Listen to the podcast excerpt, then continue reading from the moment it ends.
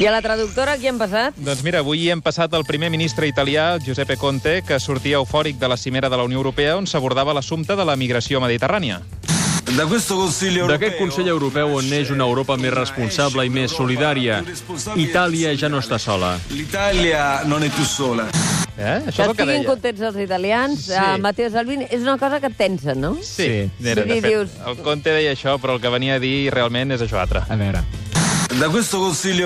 D'aquesta cimera europea en surt la mateixa Europa del campi qui pugui de sempre, l'Europa hipòcrita de tota la vida, l'Europa que es preocupa més de les aparences i de fer veure que és una Unió Unida que no pas de solucionar de debò els marrons.